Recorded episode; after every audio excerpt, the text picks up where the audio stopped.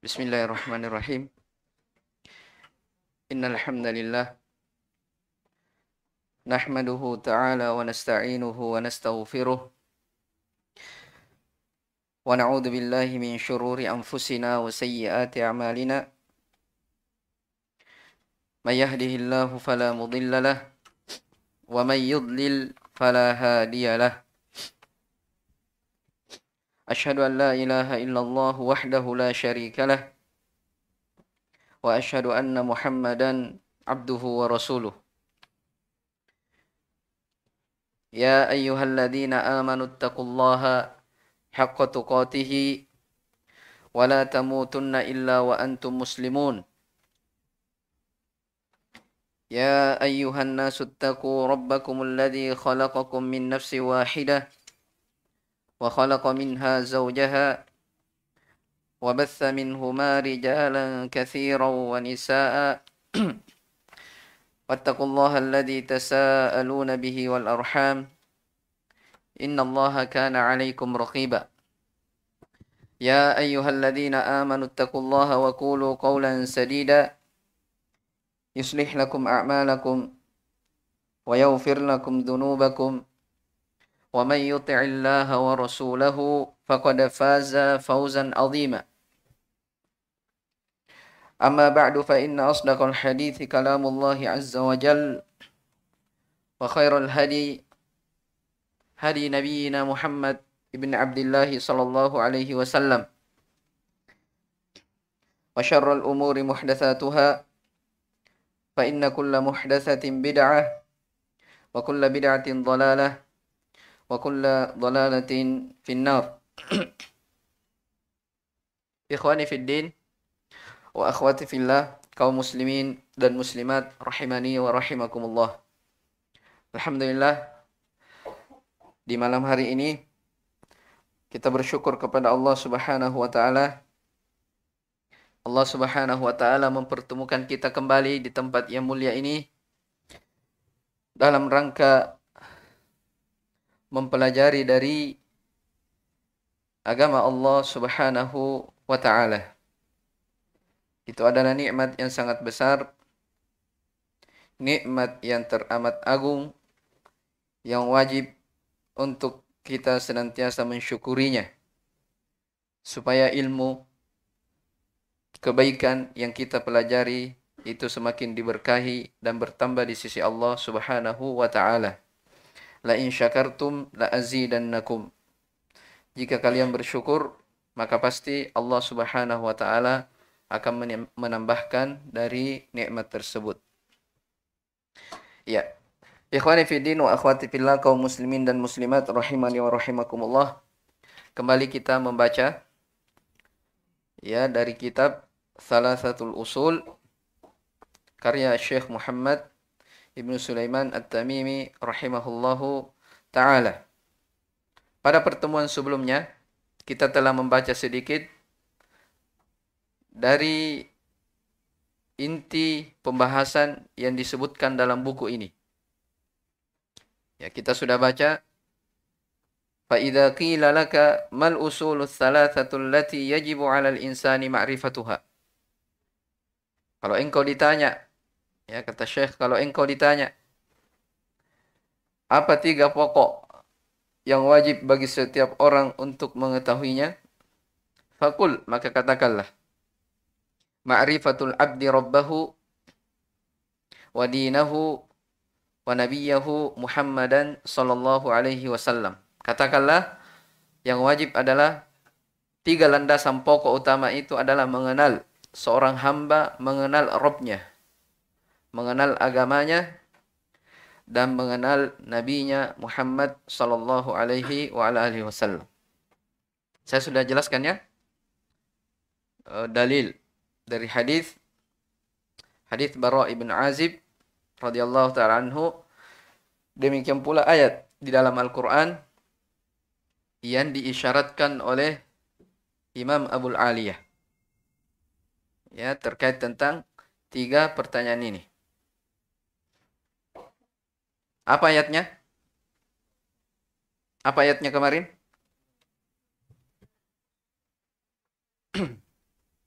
Saya ulang ya supaya lebih ini.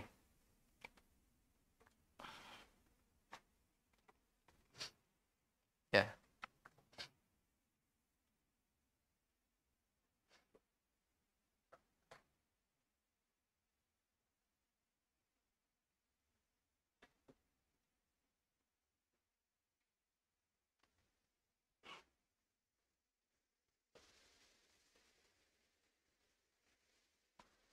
Fawarabbika lanas'alannahum ajma'in.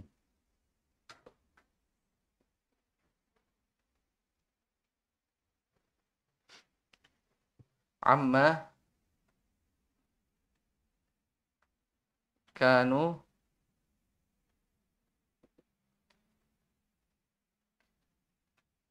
ya'maluna. Kalau ini bukan surah Al-Qasas. Ini surah Al-Hijr. Ayat keberapa kemarin kita sebut? 9293 ya.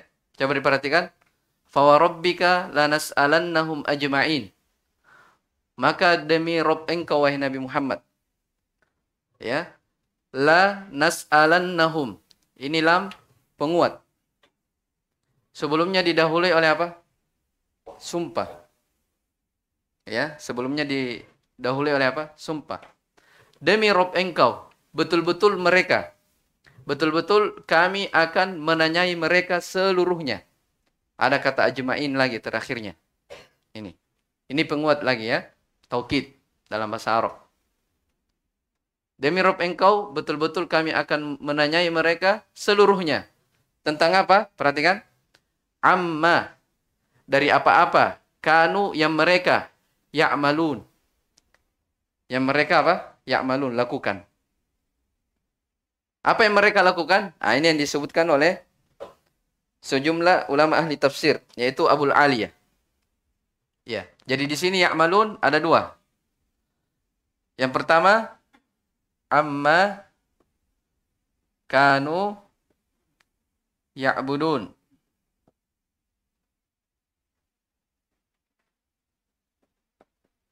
Yang kedua,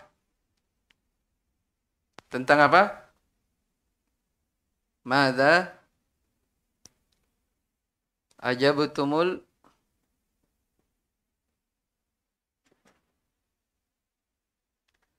mursalin.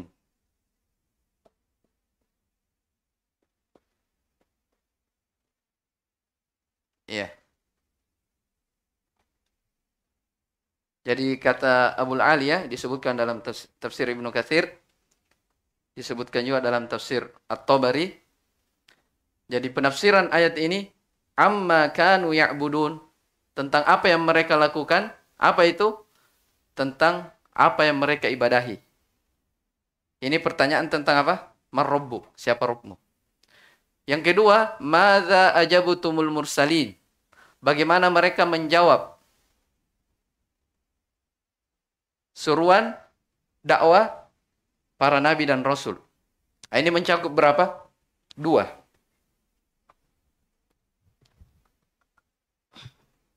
Ini mencakup dua. Mencakup apa di sini?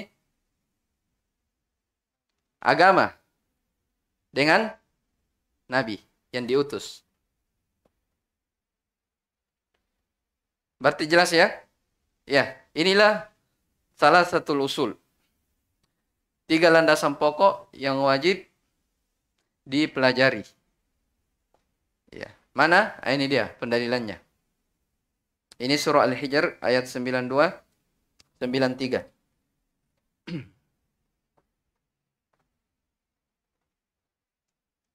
Jadi dua pertanyaannya. Mada apa namanya? Amma kanu ya'budun? Apa yang mereka sembah? Yang kedua, bagaimana mereka menjawab Bagaimana kalian menjawab dakwah para nabi dan rasul? Ya. Dakwah para nabi dan rasul. Sekaligus pertanyaan tentang syariat yang dibawa, yaitu apa? Agama. Bisa dipahami ini? Taib. Kalau bisa dihafalkan itu ya. Kalau konteks uh, lafadznya kata Abu Aliyah rahimahullah taala yus'alul ibadu kulluhum yaumal qiyamati an khullataini. Semua hamba atau setiap hamba ditanya oleh Allah Subhanahu wa taala pada hari kiamat tentang dua perkara. Setiap hamba ditanya tentang dua perkara. Yang pertama itu amma kanu ya'budun. Nah, ini sejalan dengan firman Allah Subhanahu wa taala, "Wa yauma yunadihim fayaqulu aina syuraka'i alladziina kuntum taz'umun" di surah Al-Qasas. Pada hari itu mereka dipanggil. Fa yauma yunadihim fayaqulu madza aina syuraka'i alladziina kuntum taz'umun? Di mana syarikat-syarikat? Ya tandingan-tandingan yang kalian sangka itu. Dipanggil. Yang kedua, itu. Mada ajabutumul mursalin disebutkan juga di surah Al-Qasas. Wa yawma yunadihim fayaqulu madza ajabutumul mursalin. Pada hari itu mereka di yunadi, dipanggil. Bagaimana mereka menjawab suruhan dakwah para nabi dan rasul. Taib, itu tiga landasan pokok dari kitab ini, salah satu usul. Kita akan lanjut dari pembahasannya. Ya, antum masih ingat ya pertanyaan kemarin, kenapa harus kita ketahui tiga hal ini?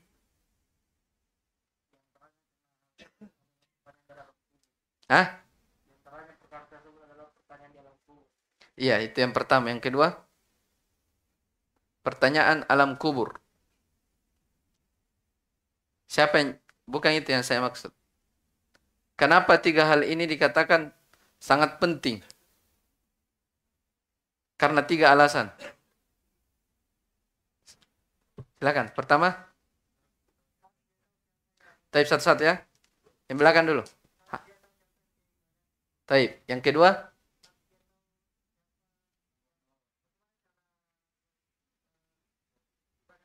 Taib. Itu syariat. Terus yang ketiga? Taib. Yang menyampaikan dari dari ibadah tersebut. Taib. Ahsan. Barakallahu fit. Ini buku.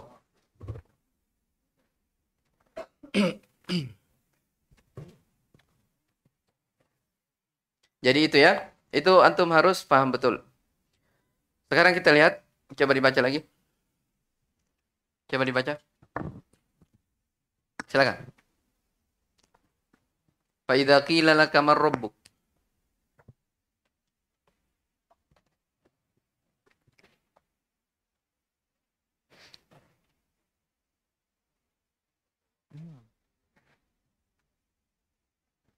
Bismillah. Ahsanallahu ilaikum. Qala al-muallif rahimahullahu taala Fa idza bima arafta rabbak Sebelumnya Man rabbuk? Afwan. Fa idza man rabbuka faqul rabbi Allahu alladhi rabbani wa rabbi jami'al alamin ورب جميع العالمين بنعمه. طيب. وهو معبودي ليس لي معبود سواه. والدليل قوله تعالى الحمد لله رب العالمين. وكل من سوى الله عالم. وأنا واحد من ذلك العالم. طيب ترش فإذا قيل لك بما عرفت ربك فقل بآياته ومخلوقاته. ومن آياته الليل والنهار والشمس والقمر. ومن مخلوقاته السماوات السبع والأرضون السبع. وما فيهن وما بينهما. والدليل قوله تعالى ومن آياته الليل والنهار والشمس والقمر. لا تسجدوا للشمس ولا للقمر. واسجدوا لله الذي خلقهن إن كنتم إياه تعبدون. وقوله تعالى إن ربكم الله الذي خلق السماوات والأرض في ستة أيام ثم استوى على الأرش. يغشي الليل النهار يطلبه يطلبه حثيثا والشمس والقمر والنجوم والنجوم مسخرات بأمره. nujuma والنجوم مسخرات بأمره. ألا له الخلق والأمر. تبارك الله رب العالمين.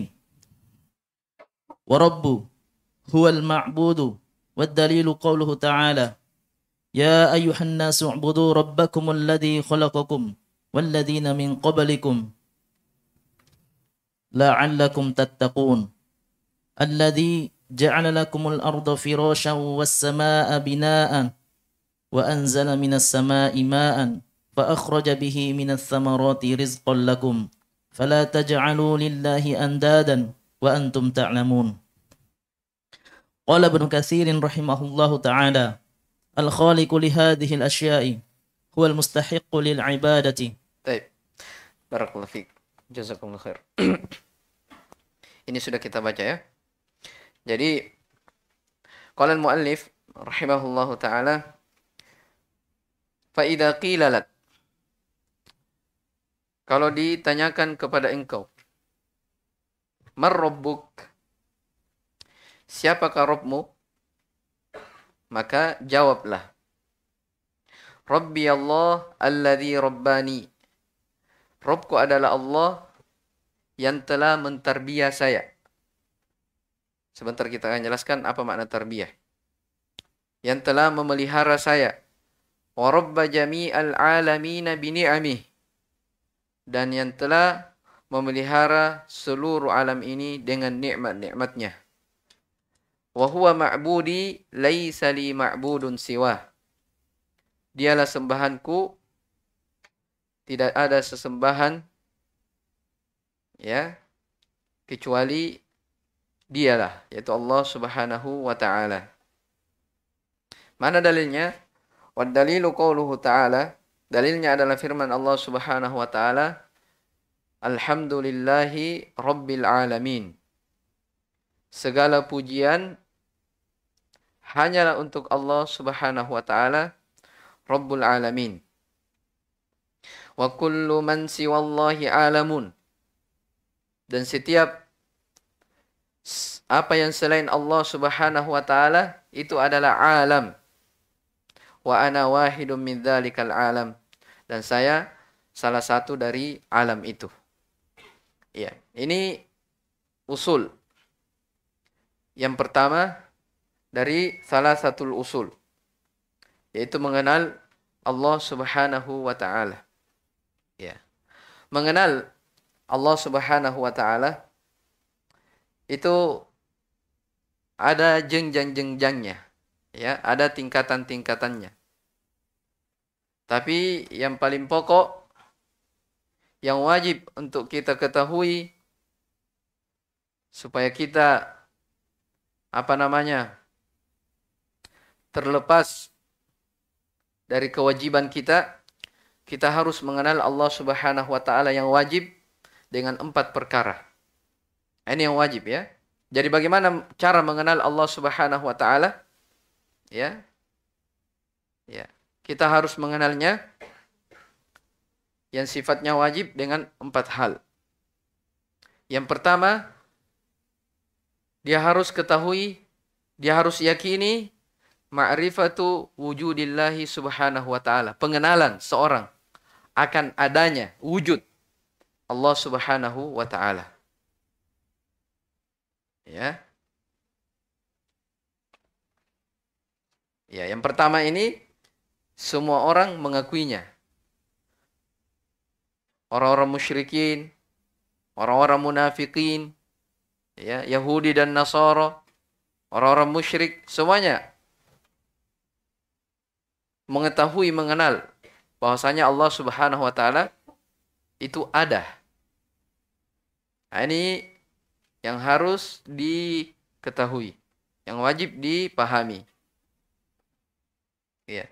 Tidak ada yang mengingkari hal ini kecuali orang-orang kafir dari kalangan apa? Dari kalangan siapa?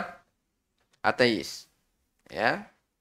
Yang tidak mengakui akan adanya Allah Subhanahu wa taala. Dan ini tidak di apa namanya tidak diragukan akan kekafirannya.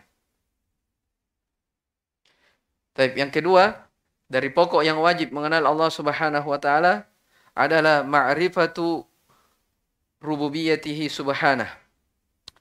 Mengenal rububiyah Allah Subhanahu wa taala.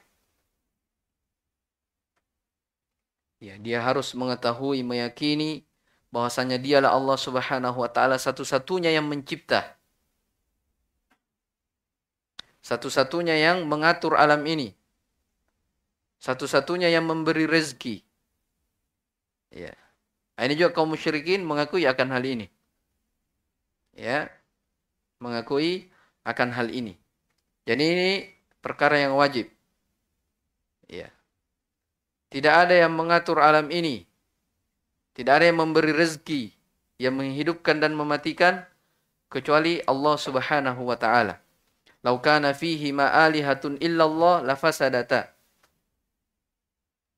Seandainya ada dua ilah ya pada penciptaan ini maka akan kacau, rusak. Ya, akan rusak. Maka ini yang kedua. Kemudian yang ketiga dari yang wajib terkait tentang pengenalan kita kepada Allah Subhanahu wa taala adalah ma'rifatu al-uluhiyah. Mengenal uluhiyah Allah Subhanahu wa taala. Seorang wajib meyakini mengimani bahwasanya dialah Allah Subhanahu wa taala satu-satunya yang diibadahi. Ya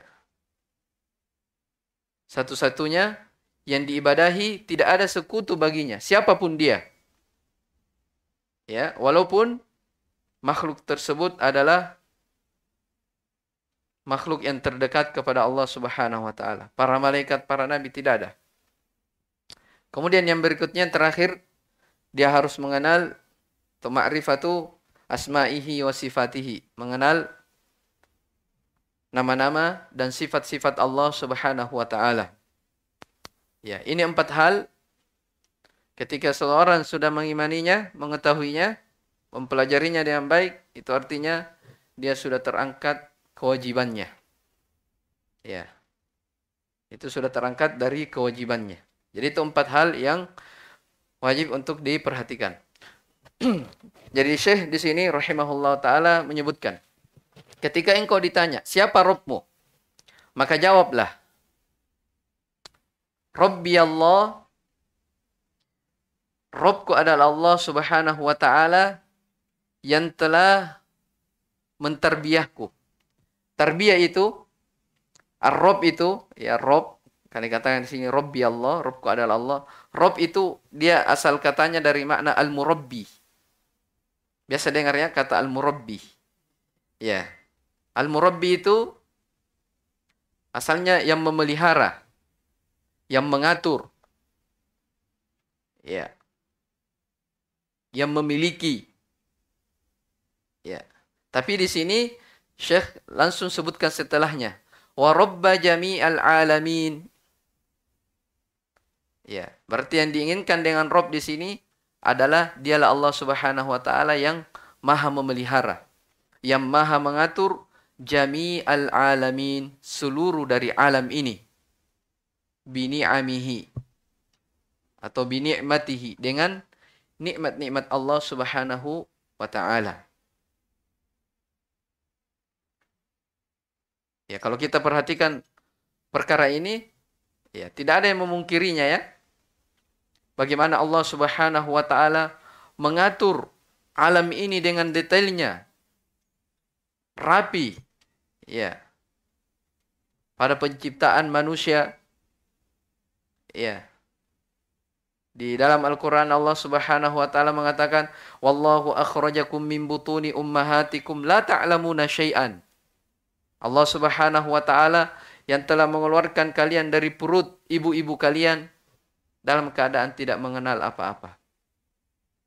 Ya, wa ja'ala lakumus sam'a. Kemudian Allah jadikan untuk kalian pendengaran, wal absar, penglihatan, wal afidah, hati, la'allakum tashkurun. Ya, proses kita berada di dalam perut ibu-ibu kita itu sudah di Allah Subhanahu wa taala sudah memelihara kita. Ya. Sebelum itu Allah Subhanahu wa taala sudah ingatkan hal ata 'alal insani hinun minad dahri lam yakun syai'an madhkura. Tidakkah datang kepada manusia suatu waktu di mana pada waktu itu dia belum disebut-sebut. Kita masih berada di alam ketiadaan. Ya. Perhatikan. Demikian pula kejadian yang ada di bumi ini, di alam ini. Allah Subhanahu wa taala mempersilih manusia. Ada yang tua, ada yang muda, ya. Ada yang ajalnya sampai di sini saja, ada yang diberi umur yang panjang, sangat teratur. Nah, itu namanya apa? Pemeliharaan Allah Subhanahu wa taala, tarbiyah. Bagaimana Allah Subhanahu wa taala mengatur alam ini. Ya, mengatur dari alam ini. Makanya dikatakan wa rabba jami'al alamina bi ni'matihi yang telah memelihara seluruh alam ini dengan nikmat-nikmatnya. Kita masih dalam perut ibu, sudah diberi apa? Sudah dicatat bikat birizkihi wa ajalihi wa amalihi syakiyun au sa'id. Sudah ditentukan rezekinya. Sudah dicatat ajalnya. Sudah ditentukan ini orang-orang bahagia, ini celaka. Dan seterusnya. Ya. Nah, ini semua menunjukkan apa? Kalau dia Allah subhanahu wa ta'ala yang maha mengatur segala urusan hambanya, ya maka tentunya dialah yang berhak untuk diibadahi. Kan begitu? Nah, makanya setelahnya dia katakan wa huwa ma'budi. Dialah Allah Subhanahu wa taala ma'budi, sembahanku. Laisa li ma'budun siwa. Tidak ada sesembahan untukku selain dari Allah Subhanahu wa taala. Ya, selain dari Allah Subhanahu wa taala. Ya, dari sini kita ambil pelajaran ya, bahwasanya pengakuan seseorang ini diambil kaidah ya, pengakuan seseorang terhadap tauhid ar-rububiyah itu mengharuskan dia meyakini mengharuskan dia untuk apa? Meyakini akan tauhid al-uluhiyah. Artinya apa? Kalau kita beriman, dialah Allah Subhanahu wa taala yang mengatur segala urusan, dialah yang mencipta kita, yang mengatur rezeki kita. Iya. Kalau kita yakini seperti ini, itu mengharuskan kita untuk apa? Meyakini bahwasanya dialah semata yang berhak untuk diibadahi. Berhak untuk diibadahi. Ya, makanya dalam surah Al-Furqan ya, Allah Subhanahu wa taala uh, menyebutkan ya tentang keadaan orang-orang musyrikin. Ya, dari apa yang mereka sembah. Kata Allah Subhanahu wa taala, "Wattakhadhu min dunihi alihatan la yakhluquna syai'an wa hum yukhlaqun." Mereka itu menjadikan selain Allah Subhanahu wa taala sebagai alihah, sesembahan-sesembahan. Ya. Bagaimana sifatnya sesembahan ini? La yakhluquna syai'an. Mereka sendiri tidak bisa mencipta. Bayangkan. Ya. Sampai di situ tidak. Wahum yukhlaqun. Bahkan mereka sendiri yang dicipta. Ya.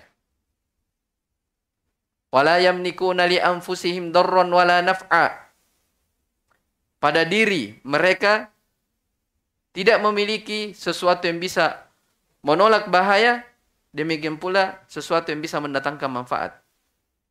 Iya. Wala yamlikuna mautan wala hayatan wala nusyura.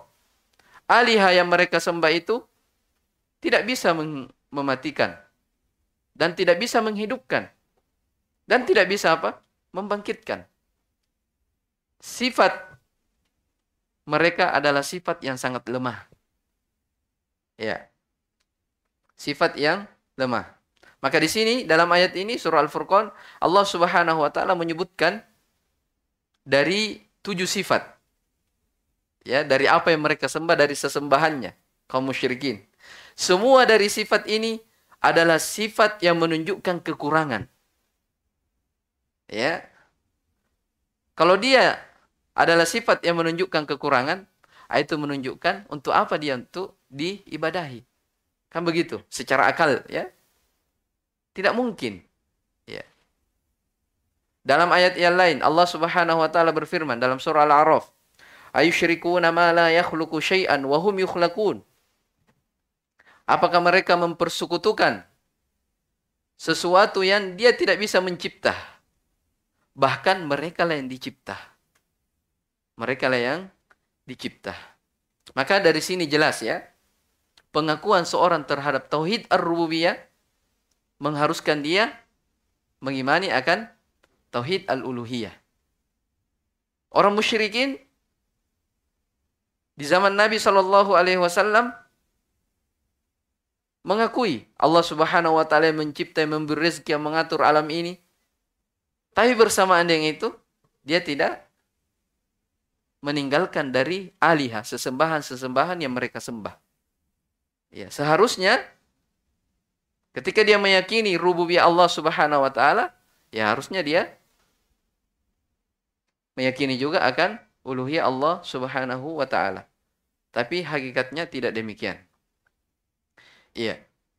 Wa dalilu qauluhu ta'ala dalilnya adalah firman Allah Subhanahu wa taala. Ini tentang tarbiyah tadi. Alhamdulillahi rabbil alamin. Ini surah Al-Fatihah. Segala puji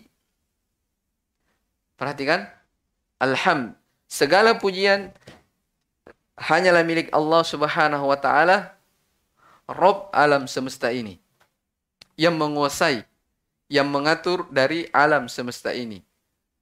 Ya. Alham itu kalau alham dia disebutkan di sini alham. Pujian. Kalau asana apa artinya asana? Pujian juga sama. Ya kan biasa kita dengar ya, sana. Pujian, alham pujian juga. Bedanya kalau asana itu dia sekedar memuji saja. Ya. Tapi kalau alham dia pujian yang disertai dengan pembesaran dan pengagungan. Makanya alham itu lebih apa? Lebih mendalam lagi daripada as-sana. Taib. Wa kullu ma siwallahi alamun. Wa ana wahidun min dhalikal alam. Kemudian kata beliau, setiap apa yang selain Allah Subhanahu wa taala itu adalah alam. Dan saya adalah salah satu dari alam itu. Ya, jadi ini penjelasan dari ayat tadi ya. Setiap selain Allah Subhanahu wa taala itu disebut sebagai apa? Alam. Iya. Setiap selain Allah Subhanahu wa taala maka disebut sebagai alam. Dan yang mencipta alam itu dialah Allah Subhanahu wa taala. Yang mencipta alam itu adalah Allah Subhanahu wa taala. Taib. Kemudian kata beliau rahimahullah taala fa idza apabila ditanyakan kepada engkau bima arafta rabbak bagaimana engkau mengenal Rabbmu ya kata Syekh Al-Qasim rahimahullah taala di dalam hasya beliau. Ya. Fa idza qala laka qailun bimastadlalta bihi ala ma'rifatika rabbik ma'budik wa khaliqik. Ya. Apabila ditanyakan kepada engkau dengan apa engkau berdalil engkau mengetahui bagaimana engkau mengetahui cara mengetahui Rob engkau sesembahanmu dan yang menciptamu Kata beliau, fakul bi ayatihi wa makhlukatihi. Katakanlah dengan ayat-ayat Allah Subhanahu wa taala dan makhluk-makhluknya. Ya. Bagaimana cara mengenal Allah Subhanahu wa taala? Ya. Bagaimana caranya? Dengan dua cara. Dengan melihat kepada ayat-ayatnya dan makhluk-makhluknya. Ya. Wa min ayatihi dan di antara ayat-ayatnya adalah al-lailu wan naharu. Malam dan siang. Wasyamsu wal qamaru. Matahari dan bulan. Wa min makhluqatihi dan di antara makhluk-makhluknya adalah as-samawatus sab'u, langit yang tujuh, wal ardunas sab'u, bumi yang tujuh, wa man fihinna, dan apa yang berada di dalamnya, wa ma bainahuma, dan apa yang berada pada keduanya. Ya, sampai situ dulu.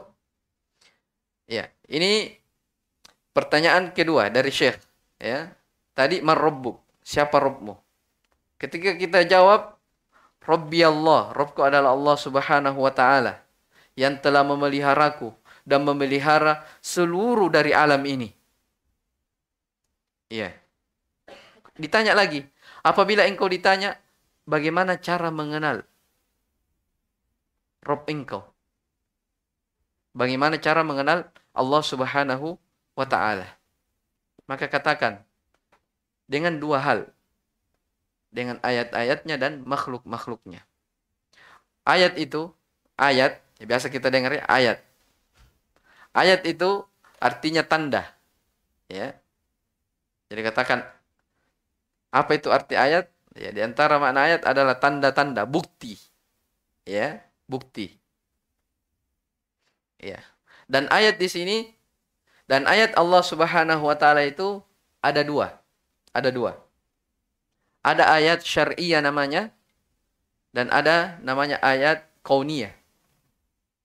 Ayat syariah dan ayat al-kauniyah. Ya, jadi kita bisa mengenal Allah Subhanahu wa taala melalui ayat-ayat syar'i dan ayat-ayat kauni. Apa maksudnya ayat-ayat syar'i? Itulah yang wahyu. Wahyu yang dibawa oleh para rasul. Wahyu yang dibawa oleh para nabi dan rasul. Ya. Makanya dalam Al-Qur'an datang penyebutannya sebagai ayat. Huwallazi yunazzilu ala abdihi ayatin bayyinat. Dialah Allah Subhanahu wa taala yang telah menurunkan kepada hambanya ayat. Ya. Tanda-tanda yang sangat jelas. Ya tanda-tanda yang sangat jelas. Ya mungkin ada yang bertanya, bagaimana kita ketahui bahwasanya wahyu itu tanda akan adanya Allah Subhanahu wa taala? Iya. Jawabannya apa? Jawabannya wahyu yang datang dari Allah Subhanahu wa taala melalui para nabi dan rasul itu dia adalah sesuatu yang tidak ada pertentangan antara satu dengan lainnya. Ya. Tidak ada kegaduhan di dalamnya. Dia tersusun dengan rapinya, tidak ada yang kontradiksi. Itu menunjukkan apa? Akan adanya Allah Subhanahu wa taala. Pengenalan seorang kepada Allah Subhanahu wa taala. Maka Al-Qur'anul Karim yang diturunkan kepada Nabiullah Muhammad sallallahu alaihi wasallam itu ada dalil akan wujudir Rabb, adanya Allah Subhanahu wa taala. Dan ini disebut sebagai apa? Ayat asy-syar'iyyah. Ayat asy-syar'iyyah. Walau kana min indi ghairillahi lawajadu fihi ikhtilafan katsira. Kata Allah Subhanahu wa taala dalam surah An-Nisa, seandainya hal itu datang dari selain Allah Subhanahu wa taala, maksudnya Al-Qur'an ini, Seandainya Al-Quran ini datang bukan dari sisi Allah Subhanahu wa Ta'ala, maka mereka akan mendapati di dalamnya perselisihan yang sangat banyak, kontradiksi yang sangat banyak.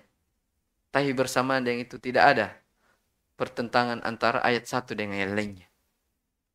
Ya, maka ini namanya apa? Ayat syariah. Ayat syariah. Kemudian ayat yang kedua ya ada namanya ayat kauniyah. Ayat al-kauniyah. Ya, ayat al-kauniyah itulah makhluk. Ayat kauniyah itulah apa? Makhluk-makhluk. Seperti apa? Disebutkan di sini. Langit yang tujuh, bumi yang tujuh, manusia, hewan, tumbuhan, dan selainnya. Ya, ini semua apa? Ayat kauniyah. Kaun itu sesuatu yang apa? Allah Subhanahu wa taala ciptakan. Ya, sesuatu yang apa? Allah Subhanahu wa taala cipta. Kita perhatikan langit yang apa namanya yang sangat besar tanpa tiang, tanpa penyangga, bumi yang sangat luas. Ya. Ini namanya apa? Ayat Al-Kauniyah. Maka dengan dua hal ini kita bisa meyakini akan kita beriman akan adanya Allah Subhanahu wa taala Rabbul Alamin. Ya. Makanya kelanjutan dari Syekh, jadi saya sudah sebutkan ya. Apa itu ayat? Ayat ada dua. Ada namanya ayat syariah. Apa itu? Wahyu. Yaitulah Al-Quran. Itu tanda ya akan adanya Allah Subhanahu wa taala. Seandainya Al-Quran bukan datang dari Allah Subhanahu wa Ta'ala, seandainya Al-Quran itu datang dari makhluk, maka pasti engkau akan mendapati perselisihan yang sangat banyak di dalamnya. Ya. Pasti engkau akan mendapati hukum-hukum yang tidak jelas. Ya. Itu yang pertama. Yang kedua, ada namanya ayat kauniyah. Sesuatu yang kita lihat makhluk dari makhluk makhluk Allah Subhanahu wa taala.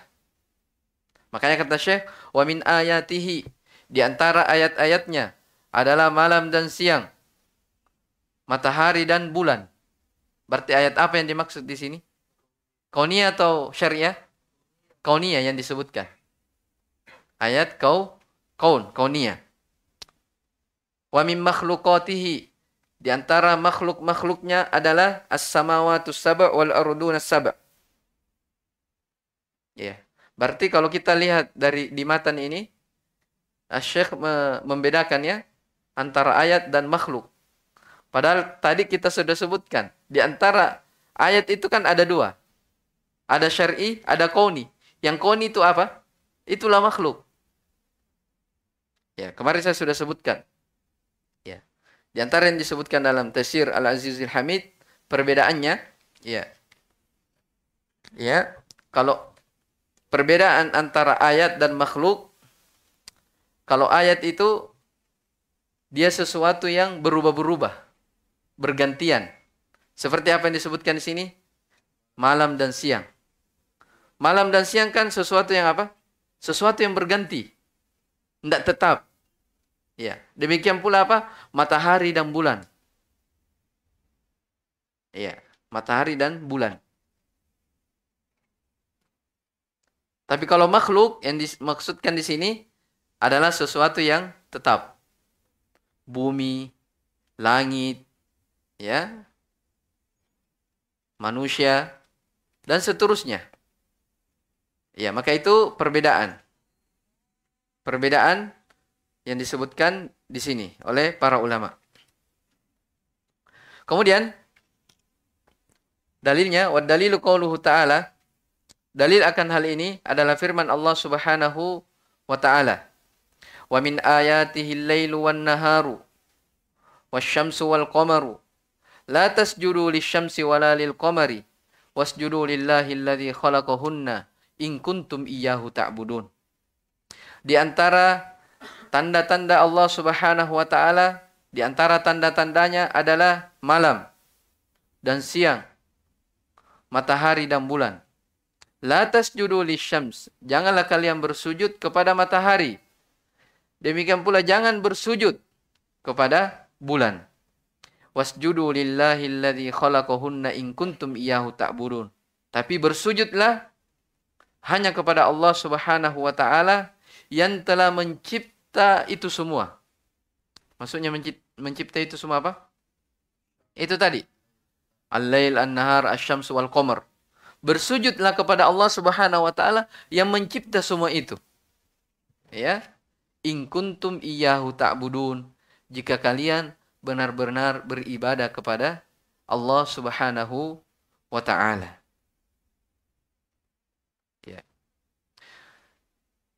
Wa qauluhu ta'ala demikian pula dalil yang lain Allah Subhanahu wa taala berfirman Inna rabbakumullahu alladhi khalaqas samawati wal arda fi sittati ayyam Dialah Allah Subhanahu wa taala yang Rob kalian yang telah mencipta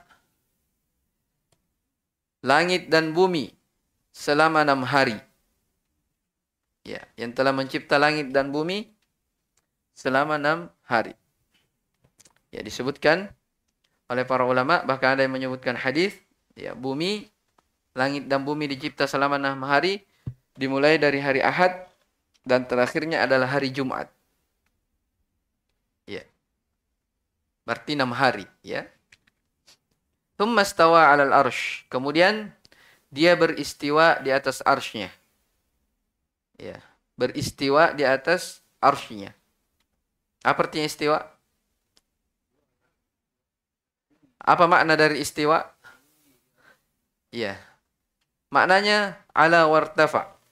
Tinggi di atas, ya. Bukan bersemayam. Ya, kalau bersemayam itu ada makna duduk. Dan ar, apa istiwa tidak ada makna duduk di kata istiwa. Dia hanya apa al-ulu wal, wal irtifa, as-su'ud, al-istiqrar. Itu empat maknanya ya.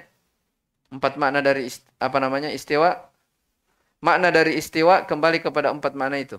Al-ala, al-ala, irtafa, as-su'ud. Dan apa lagi? Istiqrar istiqrar. Ya, tinggi di atas as-su'ud. Su'ud itu sesuatu yang paling atas dari sesuatu. Ya, puncak. Makanya kalau orang bertayamum apa dikatakan? Fatayammamu dan thayyiba. Bertayamumlah dengan sa'id yang bagus. Apa sa'id? Permukaan yang paling atas. Itulah apa? Debu. Paham ini? Makanya dikatakan tayammum apa? Tayammamu sa'idan. Sesuatu yang apa? Di permukaan. Ya, sesuatu yang berada di permukaan. Kemudian al-istiqra. Al-istiqrar. Sesuatu, sesuatu yang menetap di atas tinggi. Itu empat makna yang disebutkan oleh para ulama terkait tentang al-istiwa. Thumma stawa 'ala al-arsh. Kemudian dia beristiwa di atas arshnya yugshil lailan nahara. Ya.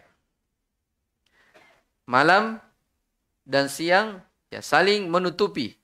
Yatlubuhu hathitha. Ya dengan cepat ya. Demikian pula asy-syamsa wal qamar. Matahari dan bulan wan nujuma musakhkharatin bi amri. Ya. Dan apa namanya? bintang-bintang.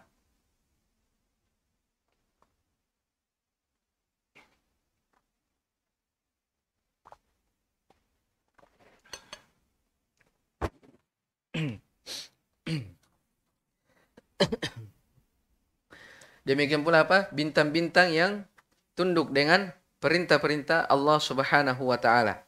Ala lahul wal amr. Ketahuilah hanya milik Allah Subhanahu wa taala apa namanya? penciptaan dan urusan itu. Tabarakallahu rabbul alamin. Maha suci Allah Subhanahu wa taala Rabb alam semesta. Ya.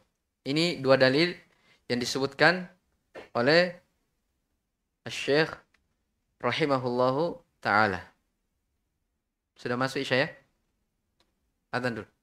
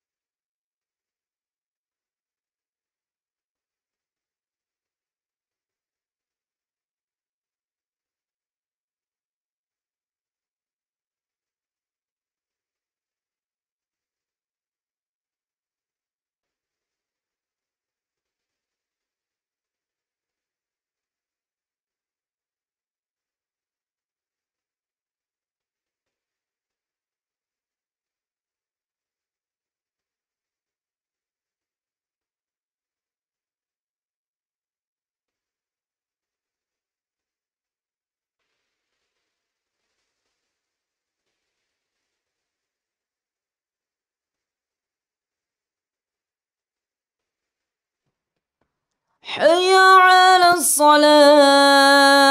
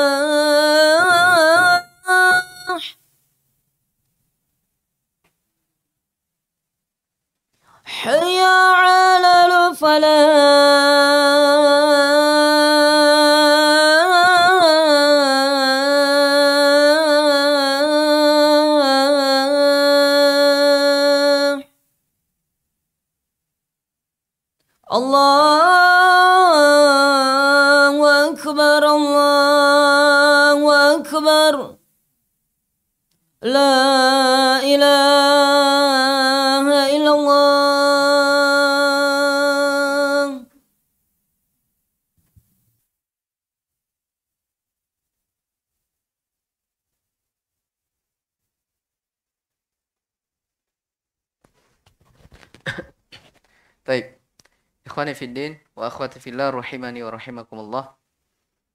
Jadi itu tadi dua dalil yang disebutkan oleh Syekh dalil dari Al-Qur'an yang menunjukkan bahwasanya dialah Allah Subhanahu wa taala yang menterbiah kita, yang memelihara kita dan memelihara seluruh dari alam ini. Ya. Beliau sebutkan dua ayat, dua dalil dari Al-Quran. Nah, ini baru dalil tentang apa? Ar-Rob. Bisa difaham ya? Matannya. Jadi kan dikatakan, bagaimana engkau mengenal Allah subhanahu wa ta'ala? Bagaimana caranya? Dengan dua cara. Dengan melihat tanda-tanda. Ya. Dengan melihat ayat-ayat Allah subhanahu wa ta'ala. Yaitu baik yang kauni ataupun yang apa? Yang syar'i. Ya, baik yang kauni ataupun yang syar'i. Kemudian disebutkan yang di antara ayat-ayatnya ini dan ini, ya, di antara makhluknya ini dan ini. Kan begitu. Kemudian langsung disebutkan dalil. Dalil yang menunjukkan dialah Allah Subhanahu wa taala yang menterbiah seluruh makhluknya. Nah, setelah itu beliau langsung menyebutkan warrabbu huwal ma'bud. Namanya Rob, namanya yang menterbiah, yang mengatur, ya, mengharuskan dia adalah apa? Yang berhak untuk diibadahi. Nah, kemudian disebutkan lagi dalil. Nah, ini dia yang setelahnya. Perhatikan kata Syekh rahimahullah taala warrabbu huwal ma'bud. Yang namanya Rob itu dialah yang berhak untuk diibadahi. Mana dalilnya? Wad dalilu qauluhu ta'ala, dalilnya adalah firman Allah Subhanahu wa taala, "Ya ayyuhan nasu ubudu rabbakumul ladzi khalaqakum walladzina min qablikum la'allakum tattaqun." Wahai sekalian manusia, dipanggil seluruh manusia, yang muslim, yang beriman ataupun yang kafir. Ya. U'budu rabbakum. Sembahlah Rob kalian. Perhatikan. Diperintah untuk apa? Tauhid al-uluhiyah. Beribadah. Tauhid ibadah. Sembahlah Rob kalian. Kemudian diingatkan tentang tauhid apa? Ar-rububiyah. Alladhi khalaqakum. Yang telah mencipta kalian. Walladzina min qablikum. Dan mencipta orang-orang sebelum kalian. La'allakum tattaqun. Supaya kalian itu bertakwa ya beriman kepada Allah Subhanahu wa taala, menjalankan segala perintah, menjauhi segala yang dilarang. Ya, seperti itu. Sampai di situ tidak. Allah katakan alladzi ja'ala lakumul arda firasyan. Yang telah menjadikan untuk kalian bumi itu sebagai firash. Nah, itu firash yang antum duduki. Ya, hamparan. Ya, itu firash namanya wassama'a binaan. Langit sebagai atap. Iya. Wa anzala minas sama'i ma'an fa akhraja bihi minas samarati rizqan lakum. Lalu Allah Subhanahu wa taala menurunkan dari langit itu air hujan yang dengan air itu mengeluarkanlah dari buah-buahan tumbuh-tumbuhan sebagai apa? Rizqal lakum. Sebagai rezeki untuk kalian. Nah, ini semua penyebutan tentang apa? Rububiyah Allah Subhanahu wa taala. Kalau kau sudah yakin yang seperti itu, iya. Sudah mengimani akan rububiyah Allah Subhanahu wa taala, maka ada keharusannya. Apa itu? Fala taj'alu lillahi andadan wa antum ta'lamun.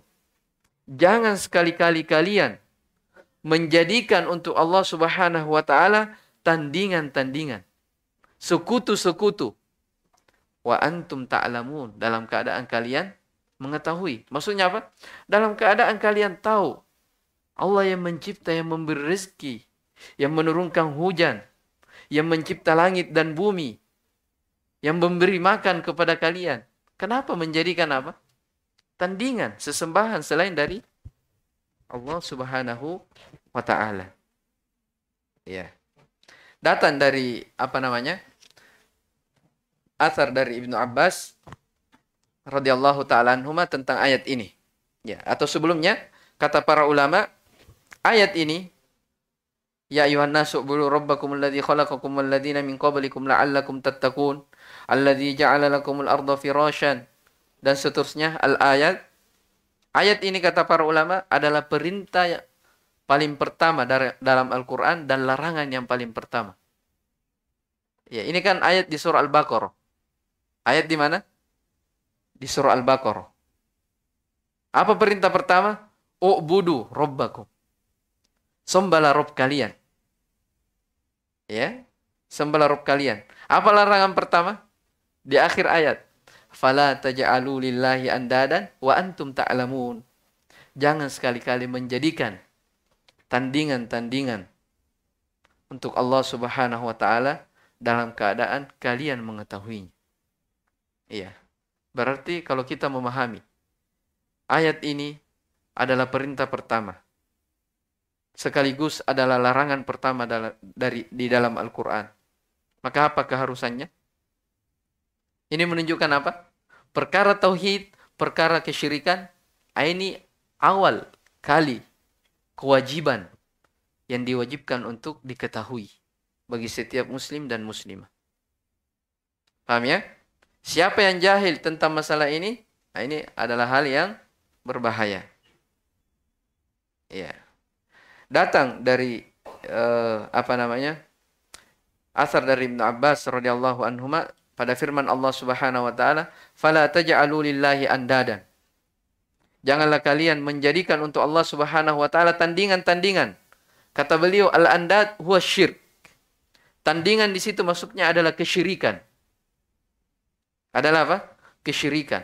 Kemudian kata beliau, akhfa min dabibin namli ala sofatin sauda fi dhulmatil lail. Yang mana kesyirikan ini lebih samar, lebih halus daripada langkah semut hitam berada di atas batu hitam di kegelapan malam. Saking apanya? Saking halusnya itu kesyirikan. Sampai kata Ibnu Abbas radhiyallahu taala anhum apa? Lebih halus daripada apa? Langkah semut. Semut kecil berada di atas batu hitam di kegelapan malam. Bagaimana itu perumpamannya? Ya, sangat halus. Ya. Makanya beliau radhiyallahu anhuma beri contoh di antara bentuk syirik dalam ucapan wallahi wa hayatika ya fulan demi Allah dan demi hidup demi Allah dan demi hidupmu wahai fulan Kenapa bisa kesyirikan ini? Bersumpah dan menggandengkan. Perhatikan dia bersumpah dan menggandengkan. Demi Allah dan demi hidupmu. Ini syirik dalam bentuk apa? Ucapan. Iya. Dicontohkan lagi. Seandainya tidak ada anjing di malam hari, maka saya akan didatangi oleh pencuri. Ini ucapan dari Ibn Abbas ya disebutkan dalam tafsir atau disebutkan dalam kitab tafsir Al-Azizul Hamid. Ya, seandainya tidak ada yang menjaga, ai ada yang pencuri masuk rumah. Ini disebut sebagai apa? Kesyirikan. Kenapa? Kenapa disebut kesyirikan? Hah? Dia sudah lupa. Ya. Sebab betul itu adalah sebab. Tapi dia sudah bersandar penuh kepada sebab. Tidak menyandarkan lagi kepada Allah Subhanahu wa taala. Ya. Masya Allah wa syi'ta. Ini ada semua pelajarannya dalam kitab tauhid ya. Laulallah wa fulan. La taj'al fiha fulan. Fa inna hadha kulluhu bihi syirkun. Ini seluruhnya adalah bentuk dari bentuk-bentuk kesyirikan. Tapi kesyirikan yang bentuknya apa? Ucapan. Ya. Nah, maka fadalla tafsir tafsir Ibn Abbas radhiyallahu anhuma ala wujubi tajannubil alfadhi syirkiyati walau lam yaksudha al insan. Ya. Tafsir Ibnu Abbas di atas yang ta yang tadi saya sebutkan ini menunjukkan apa? Memberi pelajaran kepada kita. Akan apa? Wajibnya menjauhi lafat-lafat kesyirikan Walaupun seseorang itu tidak memaksudkannya. Apa? Wajib menjauhi lafat-lafat kesyirikan walaupun seorang itu apa? Tidak memaksudkan. Sekedar apa? Ucapan saja. Sekedar ucapan. Dia tidak sengaja. Tapi apa? Ucapan saja. Maka apa? Fala taj'alu lillahi andada.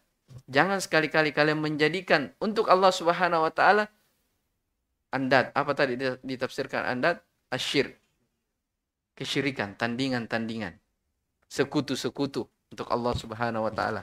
Baik itu yang kecil, baik itu yang bentuknya apa? Ucapan. Dalam keadaan disadari ataupun tidak disadari. Ya. Masya Allah.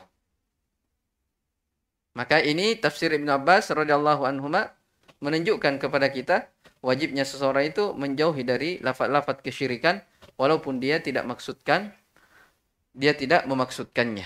Makanya dari doa Nabi Shallallahu alaihi wa ala alihi wasallam apa itu? Allahumma inni a'udzu bika an usyrika bika wa ana a'lam wa an, wa astaghfiruka lima la a'lam. Ya. Ya Allah, sesungguhnya aku memohon kepadamu atau aku berlindung kepadamu dari kesyirikan yang saya ketahui.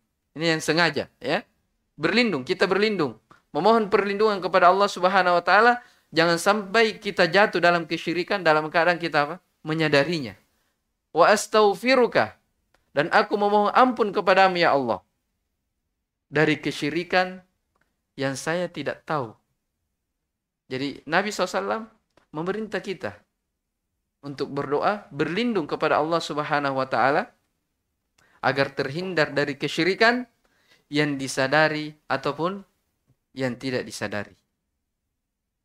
Paham ya? Saya sudah sebutkan makna dari kesyirikan. Adalah apa? At-taswiyah. Menyamakan.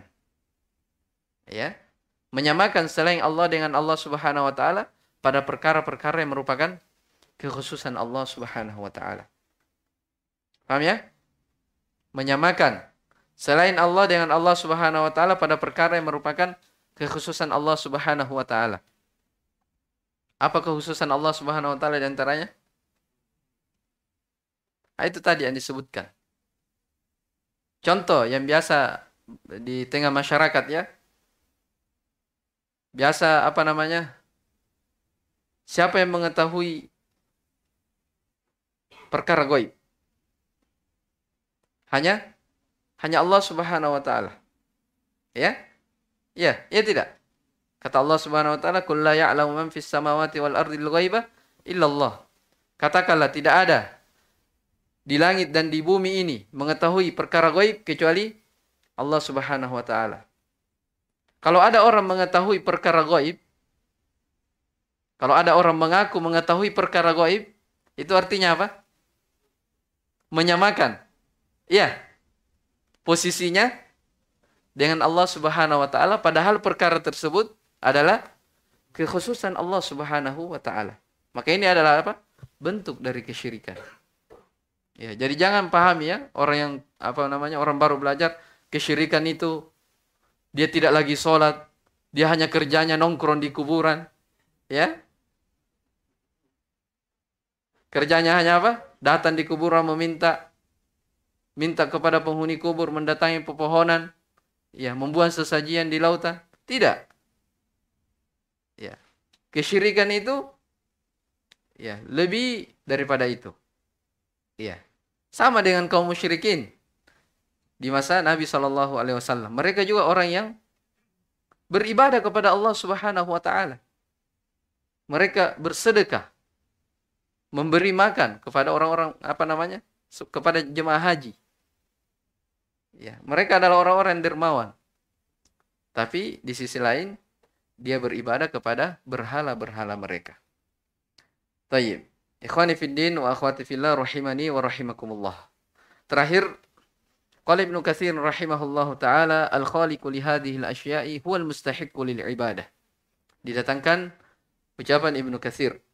Ucapan Ibnu Katsir ini disebutkannya dalam uh, kitab beliau tafsir, tafsir beliau, tafsir Ibnu Katsir. Ibnu Katsir namanya Ismail Ibnu Umar. Ismail Ibnu Umar. Kata beliau, al-khaliqu li hadhihi al-asya'i huwa al-mustahiqqu lil ibadah. Ya, yang mencipta segala sesuatu ini itulah yang berhak untuk diibadahi. Yang berhak untuk diibadahi. Jadi kesimpulannya apa? Pengakuan seseorang hamba terhadap tauhid ar-rububiyah mengharuskan juga dia mengetahui, meyakini akan uluhiyah Allah Subhanahu wa taala. Itu yang kesimpulan yang disebutkan oleh Syekh di sini. Ya, wallahu taala a'lam bissawab. Baik, sampai situ ya. Ada yang mau ditanyakan?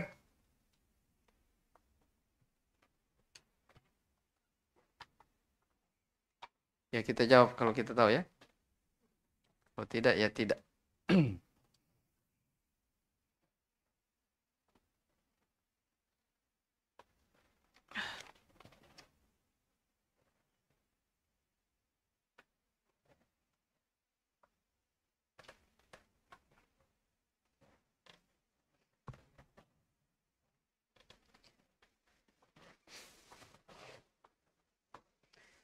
Baik, bismillah. Apakah termasuk syirik menggunakan obat yang ketika sakit dan mengatakan pakai obat ini, pakai obat ini biar cepat sembuh. Ini ucapan saja ya. Tergantung ya keyakinannya. Kalau dia hanya meyakini obat itu sebagai sebab ya menyembuhkan penyakit yang mendat, apa namanya memberi penyakit dan menyembuhkan penyakit hanyalah Allah Subhanahu wa taala. Ya, bukan kesyirikan. Bahkan ini apa? Menempuh sebab syar'i namanya, berobat. Ya, kecuali itu tadi bentuk ucapan. Ya, kalau dia bilang, "Wih, Masya Allah, apa namanya? Wih, betul-betul ini obat bagus ki, menyembuhkan." Dia sekedar apa? Mengucapkan seperti itu tanpa biidnillah dengan izin Allah Subhanahu wa taala. Maka itu mungkin saja masuk dalam bentuk apa? Syirik dalam ucapan ya dalam bentuk ucapan. Taib. Sekira ini wallahu taala alam. Subhanakallah bihamdik asyhadu an la ilaha illa anta astaghfiruka wa atubu ilaik wa akhir da'wana alhamdulillahi rabbil alamin.